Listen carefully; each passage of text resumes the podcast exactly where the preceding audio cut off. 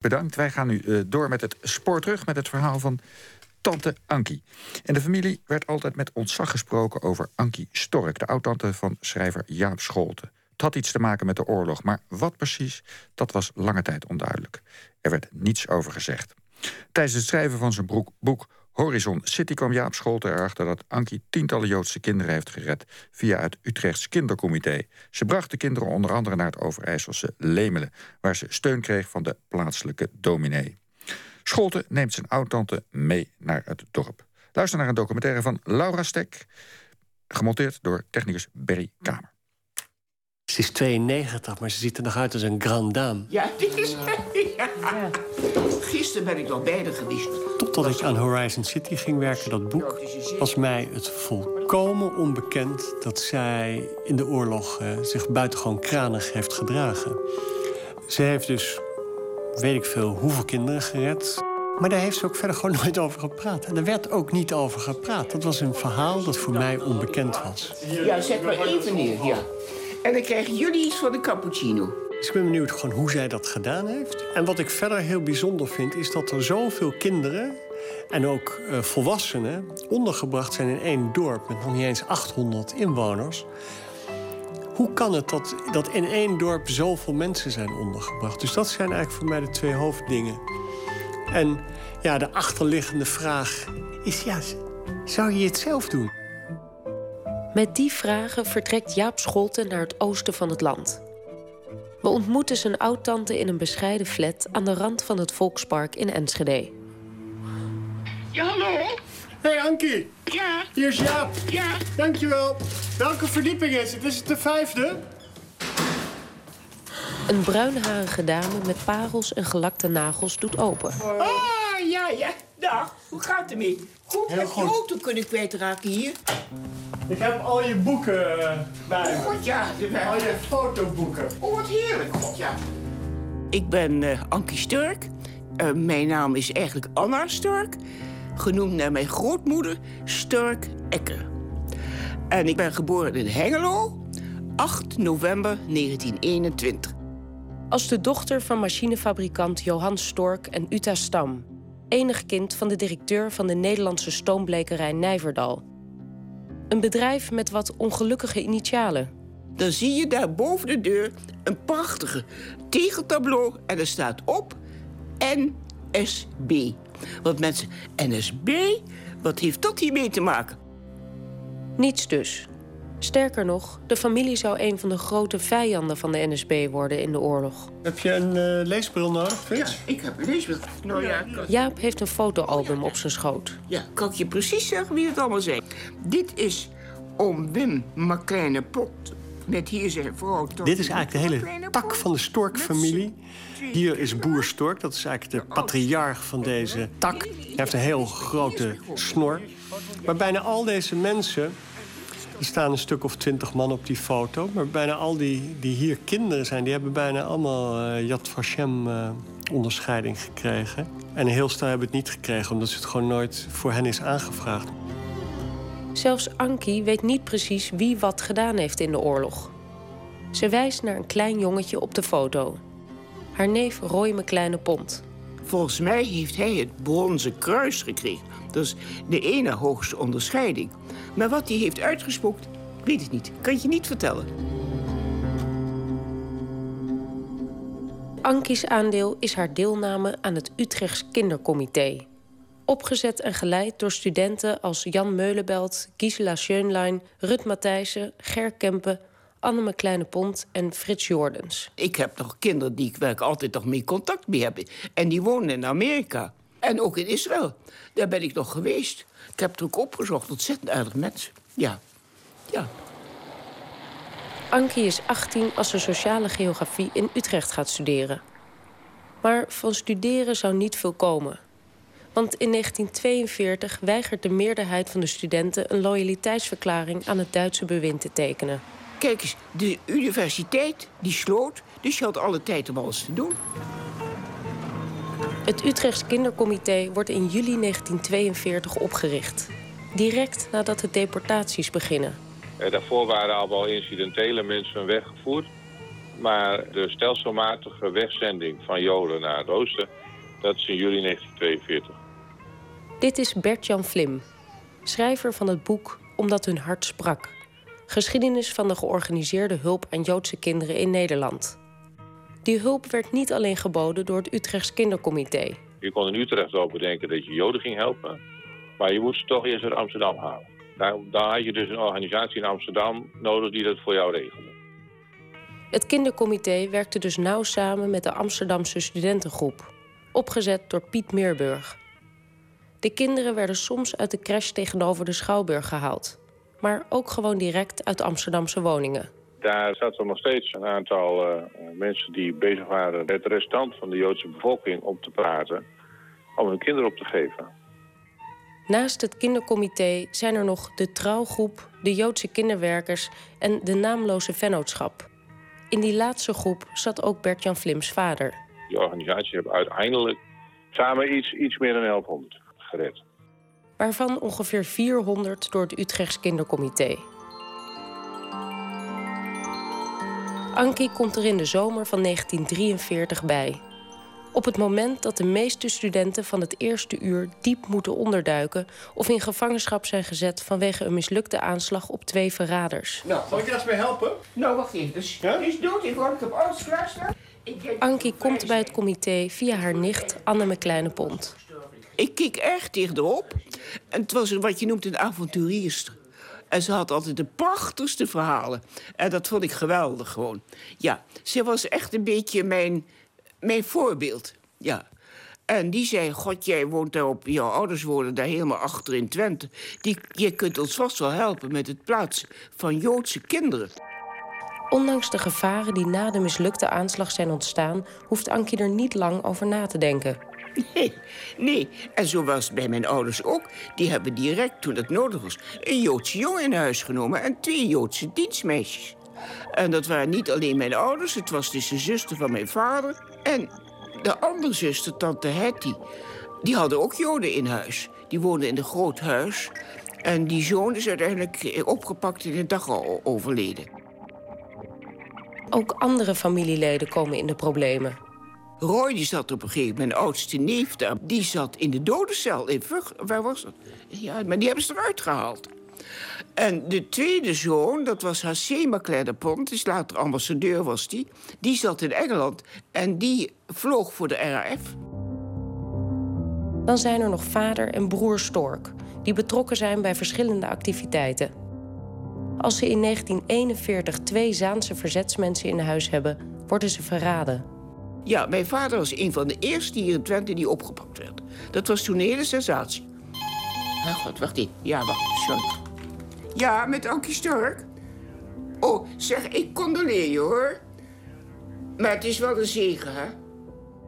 Ze zijn via de gevangenis in Arnhem... zijn ze naar het Oranje Hotel um, gebracht in Scheveningen. En daar hebben ze toen een tijd vastgezeten. Maar uiteindelijk worden ze weer vrijgelaten. Kort gezegd vanwege Herman Geurings hebberigheid. Mijn vader had een aangetrouwde neef dat was Dick Hogendijk, de beroemde kunsthandel. En Geuring, die wou die schilderijen wel hebben. En die kwam op met, met zijn adjudanten bij die Dick Hogendijk... voor de koop van schilderijen. Nou ja, god, hij moest natuurlijk door de knieën, daar kun je ook niks aan doen. Maar toen heeft hij gezegd aan het eind van het gesprek... jetzt heb je toch een wens? En die vertelde dat zijn neef en zoon omzonst in de gevangenis zaten. Oh, hij zei, die zei tegen de adjudant, schrijf je maar af. Nou, de adressen werden opgeschreven, enzovoort, enzovoort. En werden ze vrij. Ja, het is niet te geloven. In 1943 weet Ankie in ieder geval heel goed van de gevaren als ze aan het comité begint. Ja, dat wisten ze zeker. Nee, dat hadden we wel begrepen, ja. Maar ja. Maar ja, lijkt Ankie's favoriete afsluiting. En daarmee vertrekken we vanuit Enschede richting het Overijsselse dorpje Lemelen. De plek waar ze de meeste Joodse kinderen en enkele echtparen onderbracht. Wij moeten naar links. Ja, dan zie je even het dorp, is misschien wel aardig. Hier is de oude kerk, is ook zo'n enige oude kerk. Hier vind je leuk dit? dat is echt heel bijzonder, dit Tufstein. Maar je, er waren allerlei filialen. Jij had nee, ook ik een filiaal. Ja, ik had een filiaal. Ja, klopt. Hier in het oosten. Filiaal Overijssel. Overijssel, ja, precies. Wacht even, moet je hier straks naar rechts. Vader had nogal wat arbeiders op zijn fabriek uit Lemelen. Dus er was een connectie eigenlijk tussen Lemelen en mijn vader. Dus er was eigenlijk wel een hele prettige band. En dat was hoofdzakelijk dus Lemelen. En over de berg van Lemelenveld had je Damshold. Daar zaten ook nog wat Joden. God, ja, het stikte er van die Joden. En ze had in de regio het verzetsgedicht De 18 Doden van Jan Kampert verspreid. Heb je het wel eens gezien? Ja. Jan Kampert. Ja, want dat, daar verdienden we geld met heel veel dingen hier ook in Twente van verkocht. Van de 18 doden. Want jullie drukten dat gedicht af en dat verkocht je aan iedereen. Ja, vijf, Maar mensen wisten dat ze het verzet daarmee steunden. ja, want daar kreeg ik 5 euro, 5 gulden voor. En eh, nou ja, dat was natuurlijk niet, lang niet genoeg voor alles, maar het was toch een begin in ieder geval.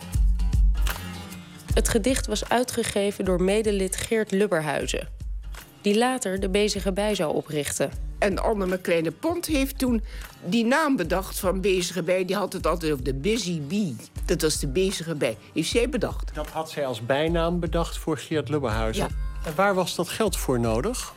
Nou, de kosten voor het reizen bijvoorbeeld. En moest er ook soms betaald worden aan de gezinnen waar de kinderen werden ondergebracht? Daar was in, in Lemelen geen sprake van. Dat kon absoluut niet. Mooie molen ook. Enig. Zo'n mooie molen, enig. Dit dorp was Nederlands hervormd dan. Ja, dit is Nederlands hervormd. Het Salland is echt de scheiding. Dat is Nederlands hervormd.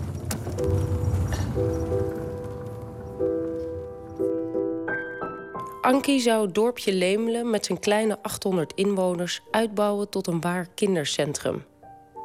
Haar zogenoemde filiaal krijgt ook een naam: het Lemels Convent. Over het aantal ondergedoken mensen verschillen de schattingen. Nou, ik dacht een stuk op 35. Ergens eh, tussen de 40 en de 60 eh zullen het er geweest zijn die Ankie heeft gehad. Oh? Ja, dat, dat, daar heb ik geen idee van, ja. Nee. Maar dat betekent dus dat 1 op de 20 mensen een onderduiker was. ja, ja, inderdaad. Maar Ankie kon dat natuurlijk niet in haar eentje regelen. En één goed contact binnen de gemeenschap was niet genoeg voor dat aantal onderduikers. Bert-Jan Vlim. Dat hing dus af van de opinieleiders. Als de opinieleiders zeiden dat, ze, dat er geholpen moest worden, dan hielp men. En dan zeiden, zeiden ze dat niet, dan hielpen ze ook niet. Dat is de reden waarom er in het ene dorp eh, heel veel onderduikers zaten en in het andere dorp bijna niemand. En hier heb je Dit de is de kerk links. die er van- toen ook al was. Ja, van dominee Berghoff. Een van die opinieleiders is dominee Berghoff... die vanaf 1938 in het kleine kerkje in Lemelen preekt. Het heeft gezegd, in deze moeilijke tijd hebben jullie mensen die in nood zijn het helpen. Die had een reuze goede invloed. En eh, dankzij dat kon daar veel gebeuren. En eh, nou ja, toen ik zocht, eh, adressen moest zoeken voor Joodse kinderen... ben ik ook naar dominee Berkhoff gegaan. Ik zeg, help mijn zus en zo. En toen heeft hij mij zes adressen opgegeven. En hij zegt, dan moet je daar maar proberen. En die moeten dan maar opnieuw jou ook weer adres opgeven. Maar dat waren mensen die kon je vertrouwen. Ja, dat waren mensen die ik kon vertrouwen. Ik heb ook nooit enig probleem gehad. Nee.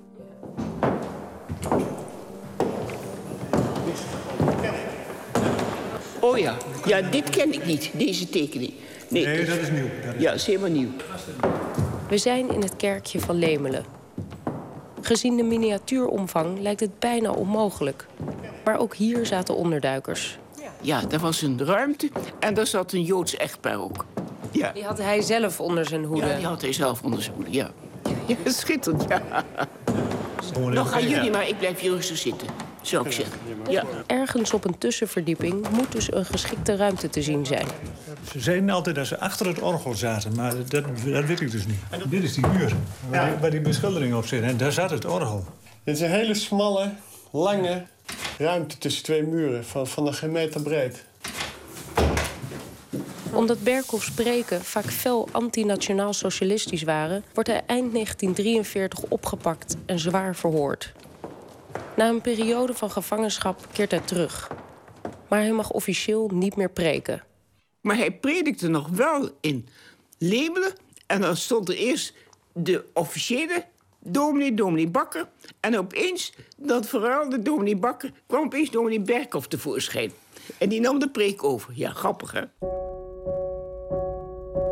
Ankie legt de verklaring voor Berkhoffs opstelling en die van haar familie deels bij hun ervaringen en contacten over de grens. Dominee Berkhoff heeft in Duitsland gestudeerd. Dat was onder Niemöller, een hele bekende dominee. Die toen al zich erg verzette tegen uh, Hitler. Dus hij was toen volledig op de hoogte van de gevaren van dit systeem, het Duitse systeem. En vader was ook op de hoogte, want vader had in Aken gestudeerd destijds. En had één Duitse vriend en die is naar Brazilië gevlucht. Omdat hij gewoon zegt, in Duitsland valt niet meer te leven. Terwijl hij een prachtfabriek achter zich liet. En hij had een zuster, dat was tante Jo Stork, celliste. En die speelde in Heidelberg, daar woonden ze, uh, viool in een orkest. En die vertelde ook al dat die Joden uit het orkest geschopt werden. En dat was in 1934 al. Ankies grootvader woonde bovendien op een landgoed in Pommeren.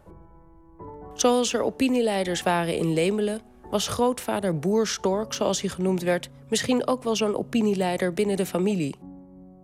Hij had direct na het beroepsverbod een koets laten voorrijden en zich naar zijn Joodse dokter laten vervoeren. Hij heeft toen zo'n fantastisch zinnetje uitgesproken. Hij heeft gezegd: Als u niet naar mij kan komen, kom ik naar u toe.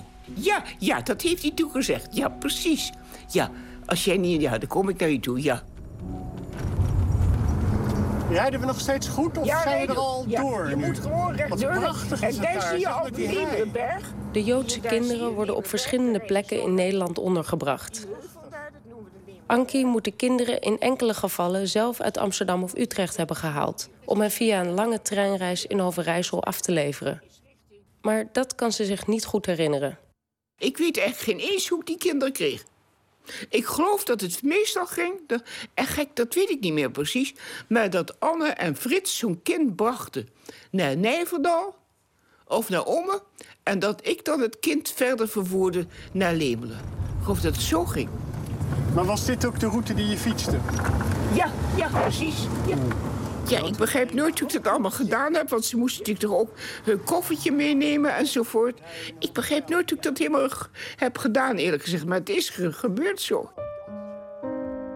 Ze weet nog wel van haar schuilnaam. Ankie van Delden. Naar een plaatsje in de omgeving. Nou, dat was waardeloos, want ze wisten direct wie ik was. Want vader had hier allerlei arbeiders werken. En die wisten natuurlijk wie ik was, dus dat werkte helemaal niet. Gelukkig geeft dat niet, want in en rond Lemelen is het relatief veilig. Het was een hechte gemeenschap en die stonden inderdaad voor elkaar klaar. Want bijvoorbeeld bij begrafenis hielpen ze elkaar ook en bij bruiloften ook. Dus stonden ze, dat, hielp, dat deden ze altijd gezamenlijk. De Lemelse boer Meuleman, die Bert-Jan Vlim voor zijn boek interviewde... noemt dat principe eenparig en geheim. Dat zegt het eigenlijk helemaal. Men is eenparig en geheim. Dat betekent dat ze homogeen zijn ze weten er allemaal van. Ze houden als collectief houden ze gewoon hun kop. Een gemeenschap waar je echt op kon bouwen. Ja, god, met nieuwjaar moeten ze nou al die boeren af, zeg. Ja, ja, ja, ja, het is wat. Op het laatste zijn ze stomdronken van al die borreltjes. Ja, ja. ja, dat is apart, hoor. Ik, ik noem dat uh, ergens in mijn boek, noem ik dat uh, kokon. De gemeenschap uh, vormde een soort kokon om de onderduikers heen. Maar binnen een gemeenschap van 790 inwoners zijn er natuurlijk altijd mensen die anders denken dan de zogenaamde opinieleiders. Er was er ook één RSB'er, maar voor de rest niet. En die, uh, nou, die dacht ze niet zo erg te uiten, want uh, nou, dan werd hij door de gemeenschap wel uh, aangepakt. Er waren om precies te zijn twee NSB-families. Die NSB'ers die werden in de hand gehouden. Kijk, met name daar in Lemelen iedereen die wist, uh, ook die NSB'ers, de onderduikers zaten. Alleen uh, die sociale controle werkte daar zodanig dat je zeg maar, zich collectief verantwoordelijk voelde voor die onderduikers. Dus ook al had je zelf geen onderduikers, dan was je, voel je je nog verantwoordelijk voor de onderduikers van de buren, zeg maar. En die enkele NSB'er, die, uh, die kregen dan gewoon bezoek. Uh, van, uh, ja, vertrouwen erop dat jij je mond houdt. Want als je dat niet doet, dan weet je wie naar de oorlog wilt vinden.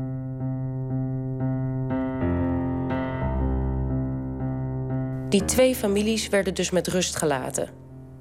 Andere families moesten telkens opnieuw door Ankie worden gepolst. Jaap haalt een quote aan van een collega die in Limburg werkte. Ja, dit vertelt Annemarie van Verschuur. Ze, ze had ontzettend hekel aan het zoeken van die adressen. Oh ja. Dat vond ik altijd wel eng.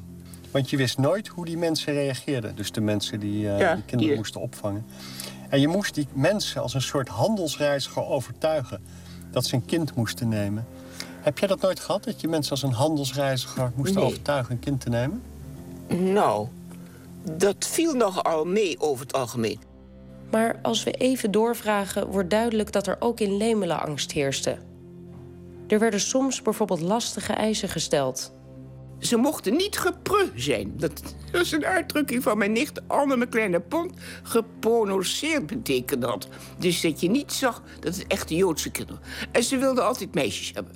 Nou, daar ligt er gewoon de hand mee, zeg. En één keer heb ik een geval gehad.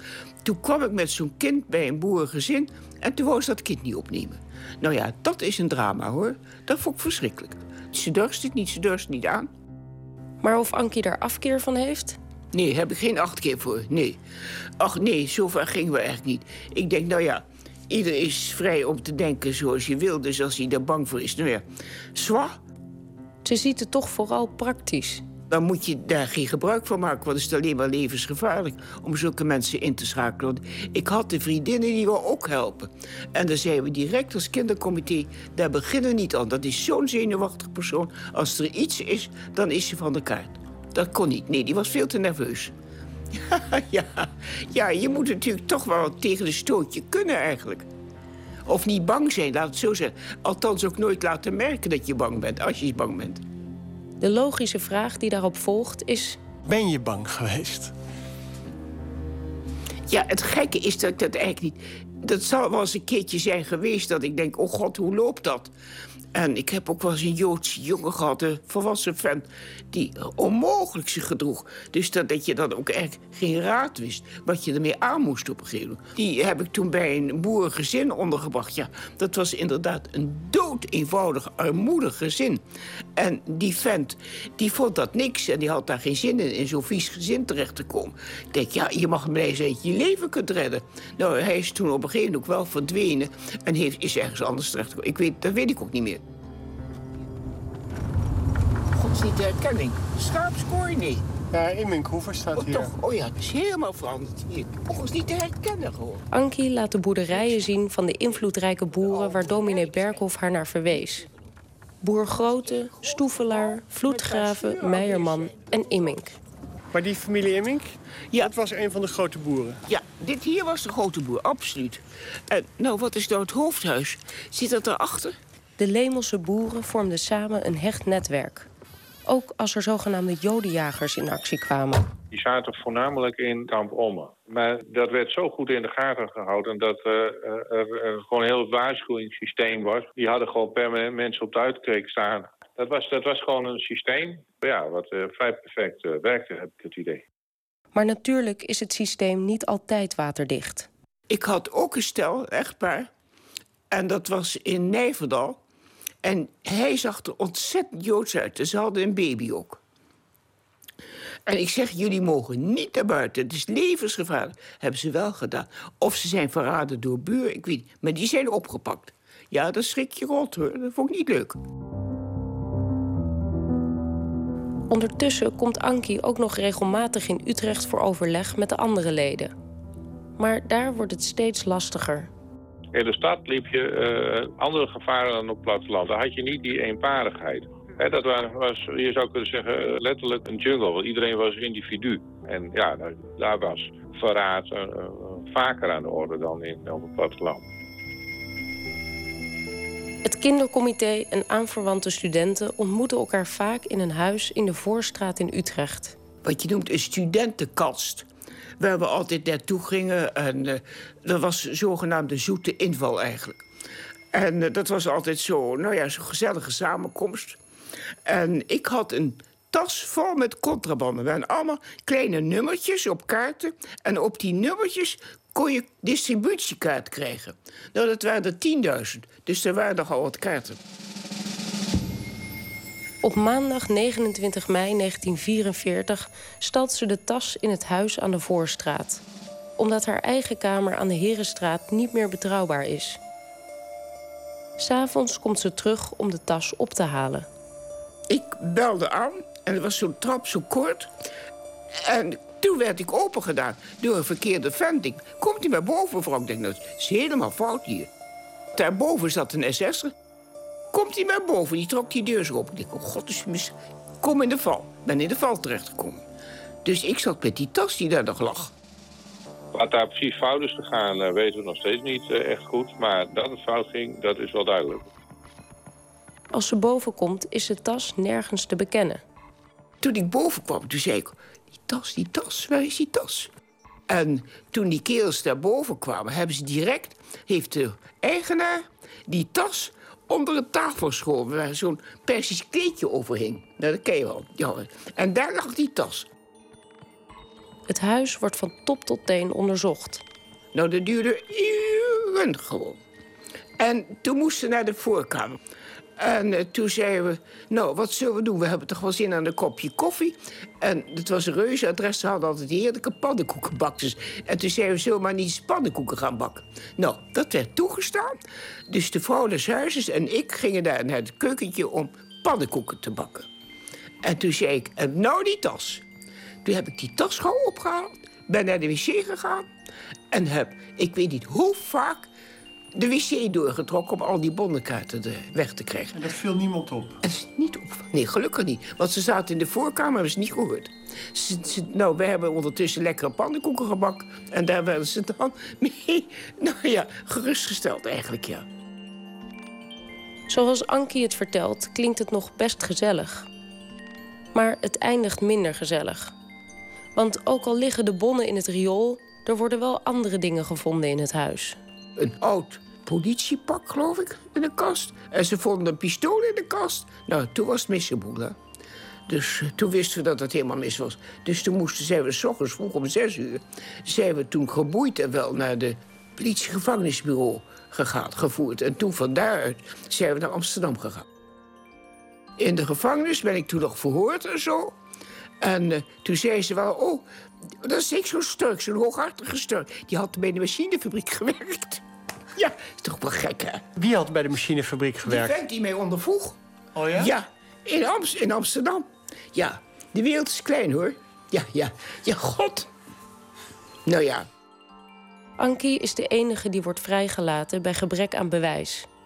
Anderen worden naar Vught overgebracht. De eigenaar van het huis, Henk Eding, zou later in een Duits kamp overlijden. Maar Ankie had geen tijd om zich daar al te veel mee bezig te houden. In juni 1944 moet er bijvoorbeeld een groot onderduikadres in Ommen worden opgerold. Het zogenaamde Weversnest, waar Ankie eerder kinderen had ondergebracht. En daar zat Adrie Knappert. En zij was Arkela, heel hoog bij de padvinderij. Die had acht kinderen in huis. En eh, toen heb ik gezorgd dat ze in Nijverdal of Hellendoorn terecht kwam... in het buitenverblijf van professor Vening Meijners. En professor Vening Meijners, ik had daar college bij gelopen... maar die kenden mijn ouders al goed, want die gingen daar altijd zomers logeren. Was een buitengewoon aardige vent. Dus, eh, nou ja. Goeiedag. Ja. Ja. Wij hebben hier vroeger zijn we ondergedoken geweest. Dus vandaar dat we even willen kijken. Maar er is eigenlijk van het oorspronkelijke gebouw niks meer over, hè? Nee. Jammer, ja. Maar goed. U hebt het hier goed. Oh, fijn. Gelukkig. Ja. In de nazomer van 1944 moet Ankie zelf onderduiken. Ze woont dan bij haar ouders in Nijverdal. In een vol huis. Op een gegeven moment zaten we met 17 mensen in ons huis. Met Joodse onderduikers, familieleden en de Akela... die het buitenverblijf weer had moeten verlaten vanwege een angstige buurvrouw. Al die 17 mensen moeten op stellensprong de deur uit. Na Dolle Dinsdag, dat was 13 september 1944, vader werd gezocht. En toen kwamen de Duitsers en die hebben gezegd dat vader binnen drie dagen of vier dagen eh, zich moest melden. Nou, dat deed hij natuurlijk niet. Maar met andere woorden, dat wij dan wel weg moesten zijn, anders werden wij gegijzeld. En dan hadden ze ons in de tang. Nou, ik ben direct naar Lemelen gefietst en heb geprobeerd daar onderdak te vinden. En dan hadden we de bof, dat er was een enige boerderij. En die hoorde aan de burgemeester van Omme van Nering-Beugel. En nou ja, die ging daar soms al wel naartoe, maar dat werd nu niet gebruikt. En toen hebben we via contact aan Nering-Beugel gevraagd... of we daar zo lang onderdak konden krijgen. En dat is gebeurd. Ankie en haar familie blijven ondergedoken tot de bevrijding. In de tussentijd blijft ze betrokken bij haar onderduikers in de omgeving. Haar gezin overleeft de oorlog, maar niet alle familieleden komen er goed vanaf. Hetzelfde geldt voor het kindercomité. Medelid Frits Jordens, de vriend van Anneme Kleine Pont, vond zijn dood bij het wegbrengen van geallieerde piloten. Anderen overleefden ter nauwernood Duitse strafkampen. Oh ja? Ja. Oh ja? Ja. Ik weet wel dat er altijd een familie is. Ja, anders wil het mijn vader. Ankie is nu 93 en heeft een actief leven. Haar agenda staat vol en ze wordt constant gebeld. Ja, met Ankie Stork. In dat leven speelt haar verleden een geringe rol. Want na de oorlog besloot ze samen met haar omgeving... We, zeggen, we praten er niet meer over. Het is genoeg geweest. Nu is, zetten we een streep onder het geheel en we moeten gewoon verder. En niet meer zitten zeuren over het verleden. Het was passé. Dat ze er op verzoek van neef Jaap toch over praat... betekent dan ook niet dat de gesprekken eindeloos door kunnen gaan. Is het duidelijk? Niet? Oh, ah, niet scherp. Ja, niet scherp. Ze wordt gewoon een beetje geïrriteerd als ik vraag hoe ze daartoe gekomen is.